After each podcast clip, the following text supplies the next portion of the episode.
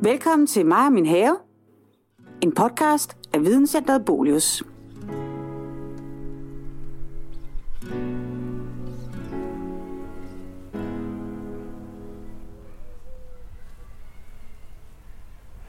Velkommen ud i naturen. Velkommen til mig og min have. Mm. Du lytter til mig og min have, Bolius' podcast om haveliv. I dag snakker vi mere natur i haven. Og øh, lige nu befinder øh, vi os, og vi det er mig, Malte Appelgaard Christensen som journalist, og vores haveekspert Jesper Karl Korfitsen. Vi befinder os i Sorø Park. Hvorfor er vi taget herud, Jesper? Jamen, det er fordi, jeg synes, vi skal starte ude i den der natur, som vi jo skal tale om. Fordi når vi taler om natur i haven, så er det helt oplagt at starte ude i den store natur, altså ude i det kulturlandskab, som vi er en del af. Og fordi det handler rigtig meget om måske i virkeligheden at gå ud og lade sig inspirere af den natur, vi har uden for havelågen, og prøve at trække den med indenfor i havelivet. Kan du prøve at se den scene for folk, der ikke har været her i, i Panasparken i Sorø? Hvad, Jamen, hvad kan vi se? Jamen, man kan sige, at vi står måske på et af Midtjyllands mest naturskønne områder, fordi vi står lige på kanten ned til Sorø Sø, hvor vi har Sorø Akademi liggende over på den anden side af bredden. Vi står her, hvor man kan søbade, og det hele er omgivet af skov og enge og søer og moser. Så man har næsten alle de naturbegreber, man overhovedet kan tænke sig, det har vi i det her nærområde. Og det er også det, jeg selv er opvokset i. Og det gør jo selvfølgelig, at det ligger den her naturlige bevidsthed inde i ens sjæl, i ens DNA, når man går ud i havelivet. Det har det i hvert fald gjort for mig.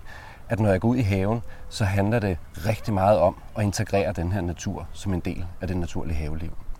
Og nu siger du integrere, og du mm. snakker om at blive inspireret af naturen.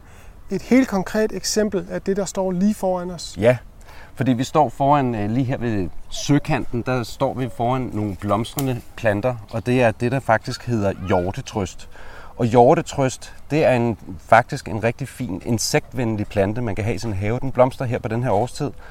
Den fås også i en dyrket form, som har lidt mere farve på end, end den vilde form her, som er sådan lidt lys, lyserød i det.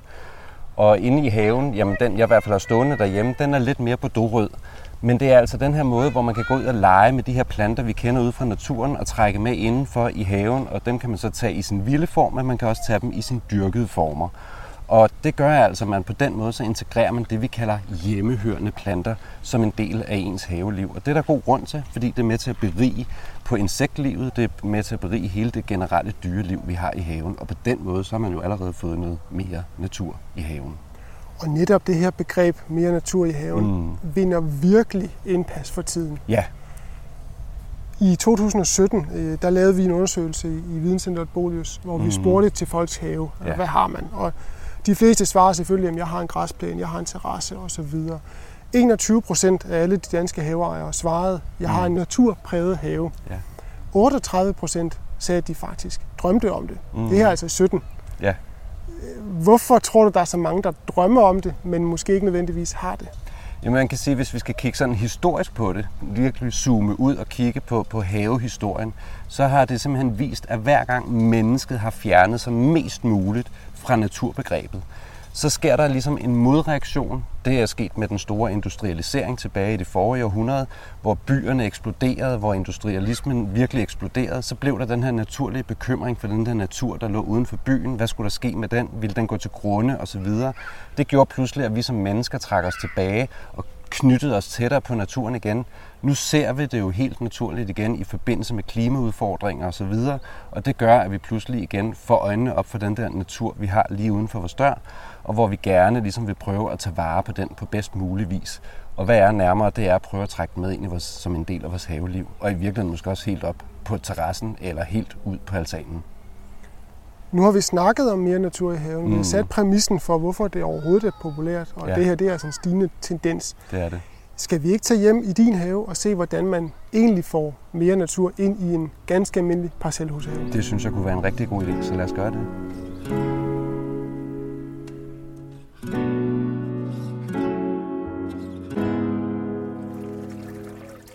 Så er vi kommet ind i et for mange af vores lyttere mere velkendt område, nemlig den klassiske parcelhushave. Mm. Vi er hos øh, Jesper Karl Korfitsen, og det I forhåbentlig kan høre her i, i baggrunden, det er lyden af rindende vand. Ja. Vi sidder lige oven på en bæk. Mm.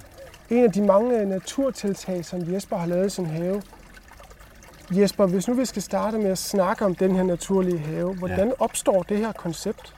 Jamen det starter faktisk tilbage i slutningen af det 18. århundrede, hvor man jo, og som vi tidligere talte om, den her industrialisering, altså byerne eksploderede, og hvor naturen også blev trængt. Der var der nogle øh, herrer, som øh, begyndte at interessere sig for den her natur, som var trængt. Og der var blandt, blandt andet William Robinson i England, som dels synes, at det her med at plante for eksempel sommerblomster ud i store tæppebede, det gav ganske enkelt ingen mening. Det var øh, dyrt, det var omkostningstungt, og hvor han synes, jamen hvorfor bruger vi ikke nogle flere af de der naturlige planter, vi har uden for havelågen?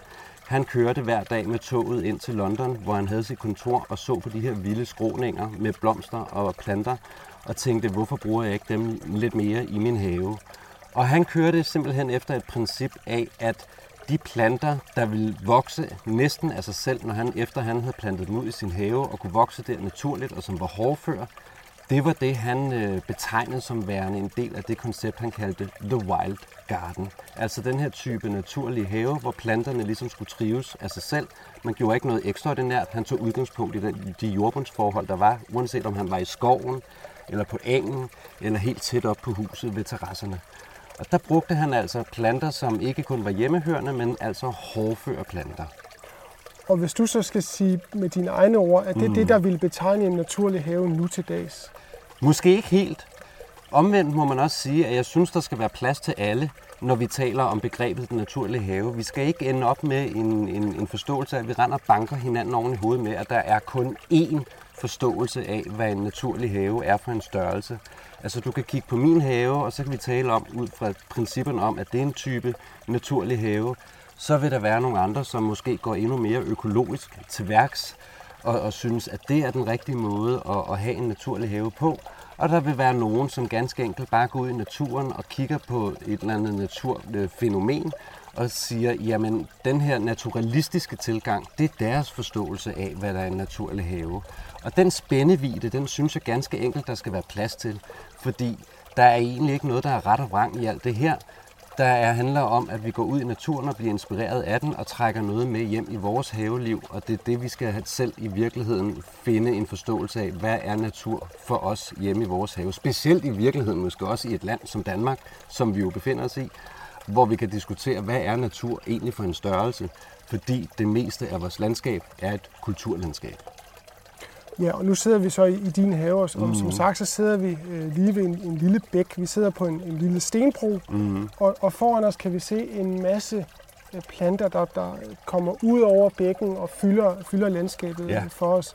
Men samtidig har du også øh, henover ved siden af broen, mm. ligesom hen til nogle trimmede græsstier. Ja.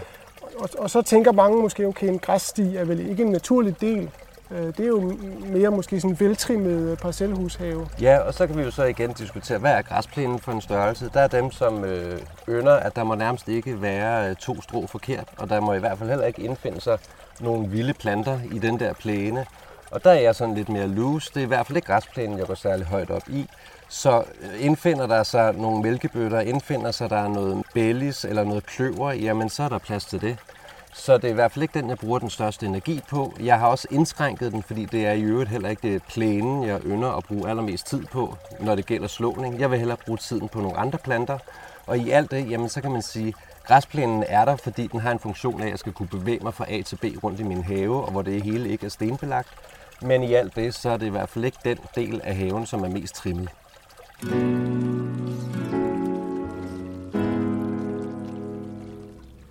Nu snakker vi øh, græsplæner og, mm. og græs i, i den her naturlige have. Mm. Op til, at vi skulle optage den podcast her, der spurgte jeg ud i den Facebook-gruppe, som Bolius har, der hedder Mere Natur i Haven, mm. hvor du som ekspert øh, er inde og hjælpe brugerne, men brugerne også hjælper hinanden. Faktisk ja. en rigtig fin gruppe, hvis man gerne vil have mere natur i haven. Men der er altså en her, der skriver, hun hedder øh, Katrine Drejers Daput. Håber, jeg udtaler det korrekt. Det gør jeg sikkert ikke. Så må hun skrive til os. Hun skriver, apropos græsplæne, jeg har slået stier i plænen i min mm. villahave og lavet resten gro. Ja. Er det godsøjne nok bare at lade græsset gro hele sæsonen, og så forvente, at naturen klarer resten? Mm. Eller skal jeg også så ingblomster eller lignende? Igen kommer det an på, hvilket udtryk man gerne vil opnå. Man kan sagtens lade området af sin plæne bare vokse op og blive på den måde mere vild. Men at tro, at det sådan i løbet af ingen tid ender med at have et udtryk af en blomstereng, det må man ikke øh, forvente, fordi det kan faktisk tage op til 15 år for en græsplæne at blive forvandlet til det at være en blomstereng. Og det skyldes, at der som regel er en ophobning af en masse næringsstoffer, fordi vi har gødet plænen igennem en masse år. De skal nærmest væk, før der indfinder sig en balance af noget, der kunne minde om en blomstereng. Fordi ofte, når vi er på engen, så er det næringsfattige planter, der indfinder sig der, og det er det jo ikke lige frem, når vi er på græsplænen, hvor den er blevet gødet i tide og utide. Så der kan gå rigtig mange år, før man ligesom får udtrykket af en blomstring. Og i alt det, så må man måske hjælpe lidt på vej. Man skal øh, forvente, at man har nogle mellemstadier, fordi man måske så netop hjælper med at så noget ud, som kan minde, have en illuderende øh, udtryk for noget, der kunne være en blomstring. Og det er der sådan set ikke noget galt i. Altså, det kan jo også tiltrække insekter osv., så, videre, så det kan bare være et mellemstadie i målet, langt ude i horisonten af, at man gerne vil opnå noget, som egentlig har en blomsterengs status. Og som vi har nævnt tidligere, så er det jo igen grader af, hvad vil man gerne. Stort set alle danske haver har jo en græsplæne af den mm. ene eller anden art. Mm. Hvis du skulle give dit bedste tip til at få naturen ind mm. i græsplænen. Hvad mm. kunne det være? Er det noget med at minimere græsplænen? Er det få blomster op, eller, eller hvad er mulighederne? Men man kan sige, først og fremmest så synes jeg måske i virkeligheden, der er god grund til at skrænke noget af græsplænen ind og give plads til noget andet i sin have. Det kan være at plante nogle flere buske og træer, fordi det har vi hårdt brug for i forhold til de her klimatider. Men når vi nu er i græsplænen, så er det måske at lette udtrykket og helt indstille sig på at sige, gør det noget, der kommer nogle vilde planter ind i den her græsplæne? Kan vi i virkeligheden dyrke videre på det? Arbejde med det, i stedet for imod det. Og det kan vi, fordi ja, der optræder måske noget kløver. Jamen, skal vi jo gøre en masse for at udrydde det? Nej, det behøver vi ikke. Vi kan måske endda understøtte det ved at gå ud og købe nogle af de her nye typer kløver, som man kan købe i potter i havecentre, som er rødbladet eller gråbladet eller har andre nuancer, og simpelthen plante dem ind i vores plæne. Du kan øh, købe øh, hulkravet primula, som er en hjemmehørende planteart, som blomster om foråret og plante ind i din plæne. Du kan købe alle mulige bellis, for eksempel. Bellis er blevet en dyrket plante nu. Jamen, så kan du købe bellisplante ind, så du kan i virkeligheden understøtte det her naturlige plantesamfund, som vil indfinde sig i plænen, og simpelthen dyrke videre på det. Og i alt det slipper du lidt nemmere omkring græsslåningen, og du kan måske ende op med at have i virkeligheden bare det, der hedder en blomstrende plæne, som nærmest er fri for græs. Og i alt det, så skal du kun slå plænen måske tre gange på en sæson, frem for at slå den uge efter uge. Så man kan sagtens lege med det her element og gøre det langt mere naturligt, end det vi måske kender det for at være i dag. Kunne du tænke dig flere tips om haven, så kan du skrive dig op til vores havenødsbrev, som du modtager hver anden uge. Tilmeld dig på bolius.dk-havenødsbrev. Så kommer vi ind på den anden del af, spørgsmålet her. Det er jo det her med at lade det stå. For nu mm. har vi mm. bevæget os rundt i, i din have, Jesper, og gået mm. op af nogle af de her relativt smalle græsgange, der er, mm. og befinder os lige nu imellem fire blomsterbede ja. øh, og et lille fuglebad. Mm-hmm. Især to af de her bede er der utrolig øh, høje blomster. Ja. Øh, det nogen vil måske vil kalde lidt vildere blomster, mm. lidt vilde blomster i udtrykket. Og der er sommerfugle og vipse og små insekter omkring os. Det er ja. det, vi gerne vil hen til. Yes. Men er det fordi, du bare har lavet din have stå til og lade det gro til? Eller, eller hvordan kommer sådan noget her til verden?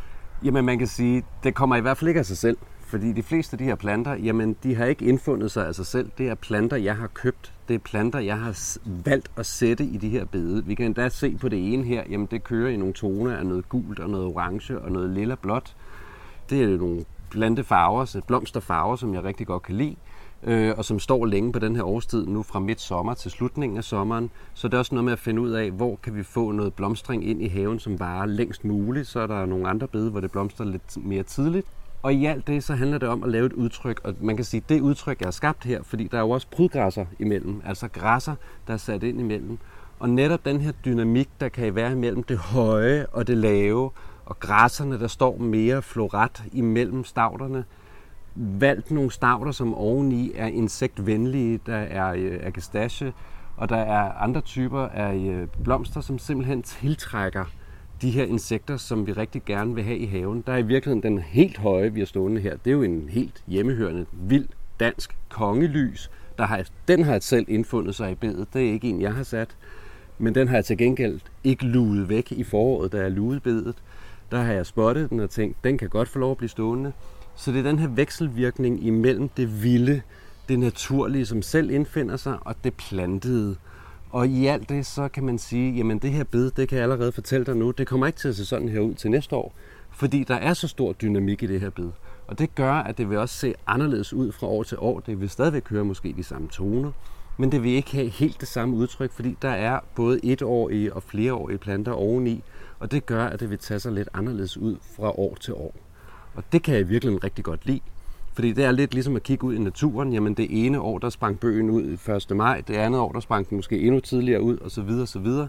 Og det gør, at naturen, selvom vi overordnet set synes, det ser ud på samme vis hvert år, så gør det alligevel ikke helt. Og det kan jeg rigtig godt lide, at sådan er det også i min have. Plus, at det bare summer, at det her dyreliv er netop insekter og sommerfugle osv. Og netop plantevalget, det er her, jeg tror, der er rigtig mange, der står og tænker, hvordan er det, jeg får natur ind i haven med mine mm. planter.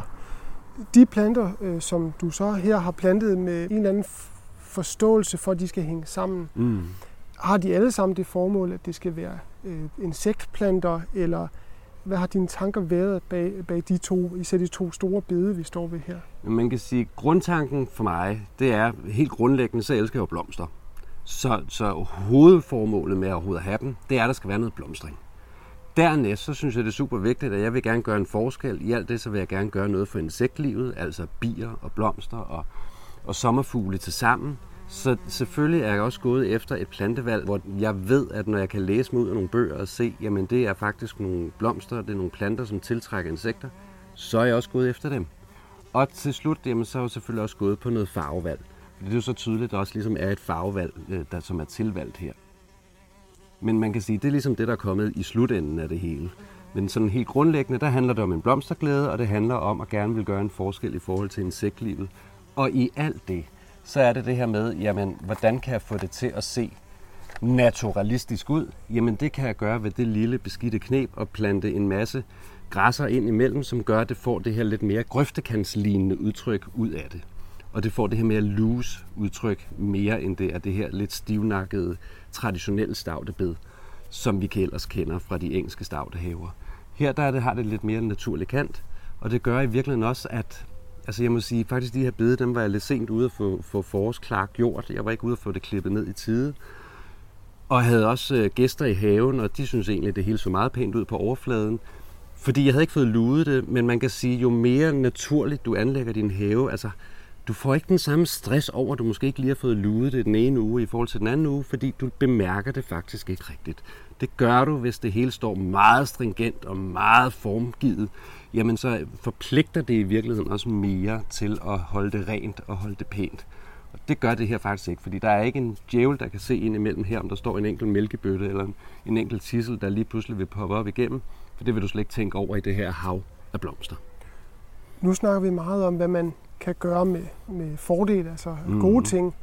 Der er vel også nogle ting, man simpelthen ikke må gøre, sådan nogle, nogle no-go's, hvis man vil have en naturlig have. Ja, altså det største no-go i virkeligheden i min optik i forhold til det at have det moderne haveliv, som skal have en naturlig kant, det er sprøjtemidler. Altså sprøjtemidlerne skal helt ud, og det gælder altså uanset om det gælder sprøjtemidler mod insekter, sprøjtemidler mod ukrudt, når det gælder, øh, hvad de kalder flisepest på belægninger, altså i virkeligheden bare alge- og lavbelægninger, der måtte være. Vi skal ikke renskure det overhovedet.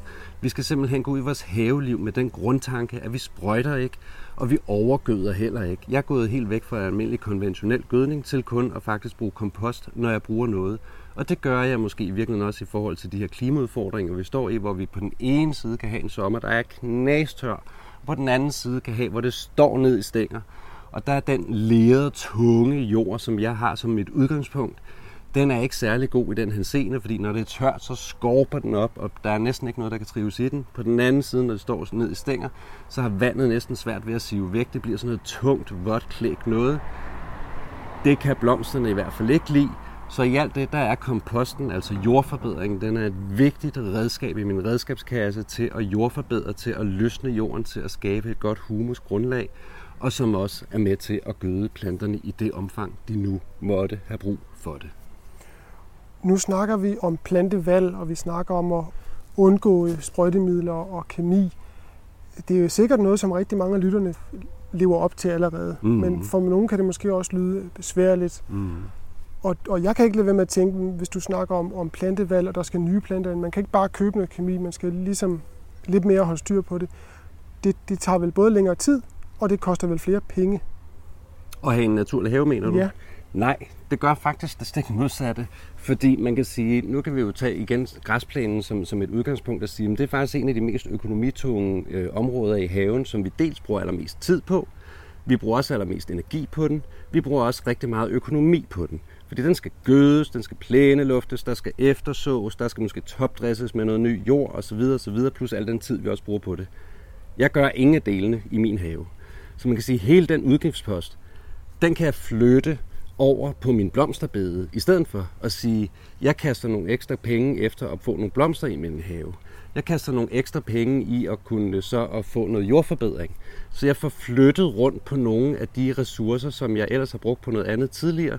Dem kan jeg nu frigive til noget andet i stedet for. Altså der er alle, jeg tror, at der ved, der har, har prøvet at være ude og købe sprøjtemidler. Det er heller ikke en gratis ombæring at gå ud og købe Roundup eller købe andre typer af kemi til haven det er ret mange summer penge, man kan flytte lige pludselig til noget andet i stedet for. Du kan pludselig få nogle blomster, altså, som du ellers ikke ville have haft råd til, når du nu i forvejen har et måske lidt stramt havebudget.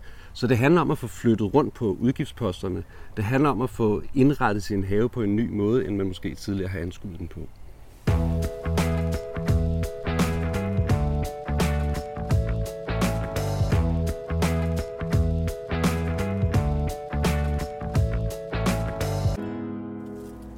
Et andet spørgsmål, vi har fået til, øh, til det her med at få naturen i haven, det er fra Lærke Erika Sederfeldt Falstaff.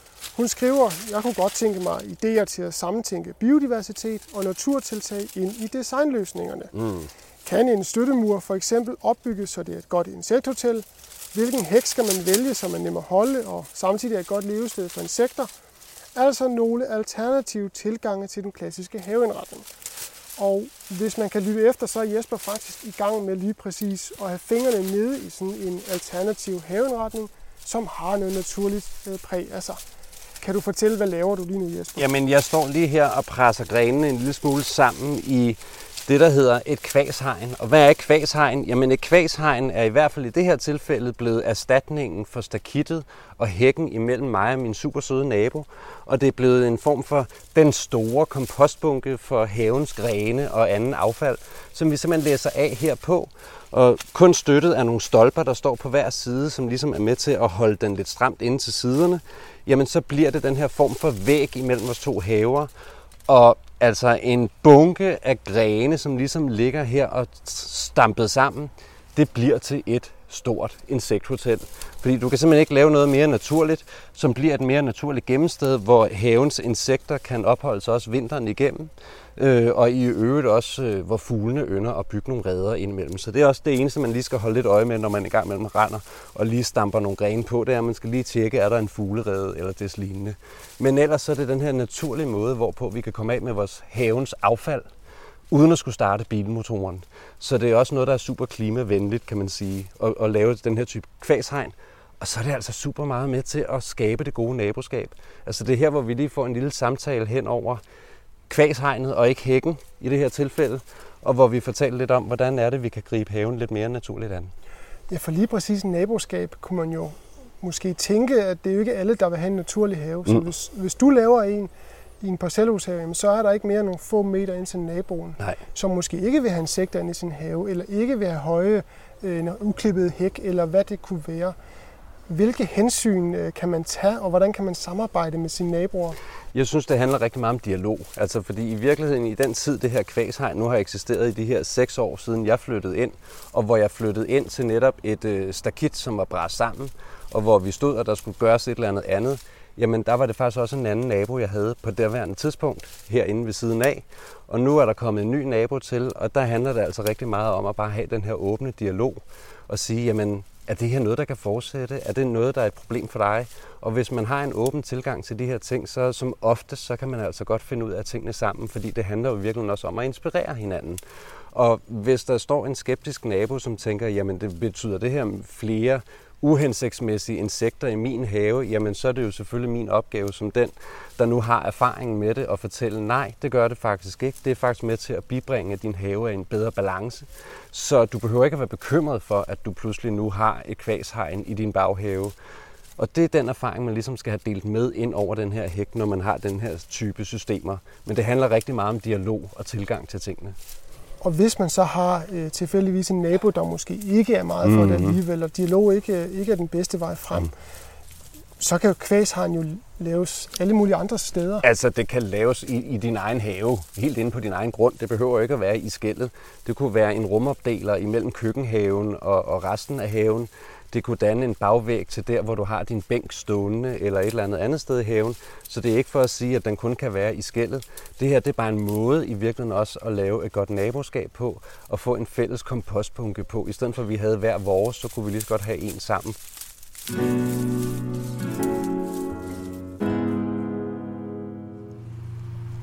Så har vi sat os op på din terrasse, Jesper. Mm. Vi Som sidder... lige så godt kunne være en altan. Det er jo det. Vi sidder her på terrassen, fordi mere natur i haven handler jo ikke kun om haven. Mm. Det kan foregå på en altan, det kan foregå på en terrasse. Det kan sådan set foregå de fleste steder. Prøv lige at fortælle os, hvordan din terrasse ser ud. Jamen, dels så er det en halvt overdækket terrasse, kan man sige. Den er ikke lukket på siderne, men der er et tag henover. Og øh, så er det blevet den her lidt mere lounge-agtige stemning af, at vi har nogle komfortable havemøbler. Tidligere tider, der var stuen ikke rykket så meget ud på terrassen eller altanen endnu. Så der sad vi måske sådan lidt mere stift opret. Nu vil vi gerne sidde lidt mere bekvemmeligt, og det gør vi også her. Og så er der jo ellers tæppebumpet med planter. Altså, det var også en af de ting, I kommenterede, da I kom her i dag. Det var, at der var næsten flere planter her end hjemme i jeres egen have. Og det er måske meget kendetegnet mig, at der er altid omgivet af rigtig mange planter. Og der er bestemt ikke kun hjemmehørende plantearter her, så der er også masser af eksoter. Og det er jo selvfølgelig nogle af de ting, man lige skal overveje, hvis man gerne vil gå af naturlig vej, også i terrasse- og altanlivet. Men er det det bedste tip til, hvis man gerne vil have noget, natur ind på en relativt lille plads? Er det, er det blomster, planter? Ja, det er i hvert fald en måde, hvorpå man sådan også kan få det synligt ved at have nogle, øh, få noget dyreliv ind på, på, på, på ens altan og terrasse. Det er jo den her sammenhæng, når vi leger med natur, så er det jo sammenhængen, det, det, det er symbiosen imellem blomster og insekter og planter og dyreliv. Det er det, der til sammen jo er med til at udgøre noget natur. Også det mikroliv, der måtte være nede i jorden osv. osv. Altså, hvis vi tager sådan noget som bromelia her, øh, ananasplanter, det er super eksotisk. Og det er måske ikke der, man skal starte, hvis man gerne vil have noget mere natur på terrassen eller altanen, fordi jo længere væk vi fjerner os fra nogle planter, som er hjemmehørende, jo sværere får insekterne også ved at have gavn af dem. Altså det viser alle undersøgelser. Det er ikke fordi, man kun behøver at bruge hjemmehørende plantearter. Man kan sagtens bruge planter, som tilhører hele det europæiske kontinent for eksempel eller noget, der i hvert fald ligger i samme klimazoner, som det vi befinder os i, altså det tempererede klimazone. Men lige frem at gå til værks med, som jeg har gjort her med, med bromelia, som er ananasplanter, så har vi altså også trukket den helt ud, hvor den overhovedet max kan klare noget. Det er jo ikke fordi, at der ikke nødvendigvis er nogle enkelte insekter, der går i dem, men der er altså ikke så mange, der synes, at de er super fantastiske en fest. Nej, og så er vi igen tilbage til, hvad er en naturlig have? For mm. når man mm. sidder her, vi ja. sidder i en lille hyggelig sofa, vi sidder tæt, mm. Og det gør vi, fordi det, der er meget på den her terrasse. Det er sådan lidt klemt inde. Ja. Men der er simpelthen så meget natur. Du ja. kan ikke kigge noget som helst sted hen, uden at se en plante. Jamen, det er rigtigt. Og det er jo natur. Det er jo også nogen, natur. Det er ligesom natur. insekter er natur for andre. Det er fuldstændig korrekt. Og det er jo også det her med igen at sige, jamen, hvad er natur for en størrelse? Vi befinder os i et land, hvor der egentlig ikke er ret meget natur. Der er nogle få steder, hvor vi har udpeget det til at være naturskov. Øh, og ellers så er der ikke ret meget natur tilbage i Danmark. Der er nogle få steder, hvor der er nogle hider, nogle overdrev, nogle moser, nogle strandenge. Øh, og det er jo stadigvæk defineret ud fra nogle tidslommer, vi endda lægger det ind i, i hele Danmarks historie, kan man sige, set bagudrettet. Er vi tilbage før istid eller efter istid osv.? Hvornår er det, vi ligesom laver de her fotoklip og siger, det er det her landskabsbillede, vi går efter for at definere, hvad er natur for en størrelse. Og det har man jo selvfølgelig også lov til at gøre hjemme på sin egen terrasse og sin egen altan. Jeg synes dog, hvis man vil være sikker på at få netop noget insektliv og, øh, og så videre ind på helt op på femte sal, jamen så skal man i hvert fald starte et sted, hvor man i hvert fald også måske går nogle insektvenlige planter i bedene, så at sige, og få dem med ind i sit terrasseliv. Og det kan jo være i sine sommerblomstplantninger, man bare får indplantet nogle blomster, som også har den her karakter af, at de tiltrækker nogle insekter. Lad os nu tænke, at vi her over, over den sidste stykke tid her i podcasten har inspireret mm. nogen til at gå ud og sige, jeg vil gerne have mere natur i min mm. have, eller på min altan, mm. eller en del af min have. Mm. Hvordan helt konkret starter man så den rejse? Jamen helt konkret, så synes jeg, at der er nogle få ting, man helt skal udlade. Og det har vi også været tidligere inde på, det er sprøjtemidlerne osv. Stop med det. Fordi allerede der, så giver du altså mere plads til insekter, du giver mere plads til mik- mikrolivet, du bliver, giver mere plads til de andre typer af dyreliv, der skal være i haven. Jo mere vi går imod naturen, jo mere vi prøver at styre den, jo mere i konflikt er vi også med den. Så, så det handler simpelthen om hele grundtilgangen. Når du går ud af din havedør, så prøv at tænke i naturlige baner. Så det er sådan det første step. Og så netop stoppe med at bruge kemi i haven. Det er det andet step så tænker jeg også i at tænke mangfoldighed. Altså mangfoldighed, som vi måske hylder ude i vores samfund af, at der skal være plads til alle i vores samfund. Sådan må det faktisk også gerne være i haven. Det er i hvert fald sådan, jeg vælger at betragte det i min egen have. Der er sådan set plads til alle planter, hvis de kan finde ud af at indordne sig med hinanden og opføre sig ordentligt i forholdet til hinanden. Jamen så bliver de altså ikke smidt ud af min have. Så det er den her mangfoldighed, man gerne må have ind. Det, man får ikke ret meget natur ind i sin have ved at have tre plantearter. Man bliver nødt til at tænke langt bredere og få masser af plantearter ind i sin have. Både af de hjemmehørende, men det kan også være noget, der har en lidt mere eksotisk karakter. Så det er sådan en, i hvert fald en, allerede en 3-4 punkter, man kan slå ned på og sige, hvordan får jeg mere natur i haven? Jamen, drop kemien, tænk i, i, i det altså mangfoldige, og så simpelthen prøv at arbejde med naturens øh, mekanismer i stedet for imod dem. Det er sådan tre gode, håndgribelige måder, man kan gå i haven på, og dermed opnå noget mere natur. Og så vil jeg sige, hvis man bliver inspireret og gerne vil have inspiration til, til plantevalg eller spændende gode løsninger, mm. så vil jeg slå et slag for to ting, og det er for det første den gruppe, vi har snakket om tidligere på Facebook, der hedder Mere Natur i Haven, yes. hvor øh, flere tusind danskere, øh, haveglade danskere, deler tips og tricks med hinanden, mm. erfaringer. Øh, og den anden, det er Jespers egen Instagram. Mm øh, Jesper Karl Korfitsen, hvor du også lægger billeder op af din egen have og Absolut. inspirationer og løsninger. Yes. Det er i hvert fald en mulighed, hvor man også kan blive inspireret, fordi ellers så kan det være svært for mange, tror jeg, bare at gå ud i plantecenter eller lignende, og så lige tænke, oh, hvordan skal de planter hænge sammen med de andre. Og så måske så lige tænke, jamen når jeg nu skal starte et eller andet sted, så lad være med at tænke i det hele haven, der skal omlægges på én gang. Altså start måske netop nede ved kompostbunken, og lad den få lov til at have et område dernede, hvor det er lidt mere vildt. Og når jeg siger mere vildt, så er det altså ikke nødvendigvis, at det hele skal vokse op i brændenælder.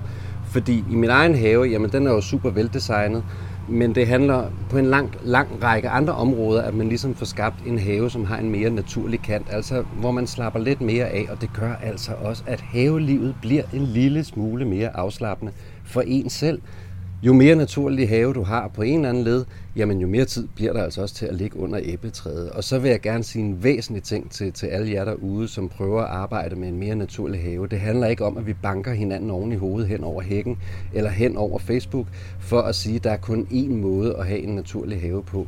Lad os nu selv hver især kigge i vores have og i vores havekatalog og finde ud af, hvad er det, der er en naturlig have for mig. Og på den bemærkning, som jeg synes er fantastisk at slutte af på, så slutter vi mm. dette afsnit af podcast-episoden med Mere natur i haven. Vi håber, I har været glade for at lytte med. En lille hurtig teaser for næste afsnit. Ja. Der går vi øh, lidt øh, mere håndgribeligt til værks og kigger på øh, hække og buske. Mm. Hvordan plejer man dem? Yes. Hvordan skal man vælge dem? Kan de være naturlige? Det er et stort emne.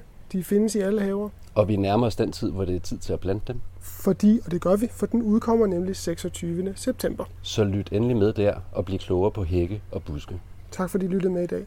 Hej. Tak.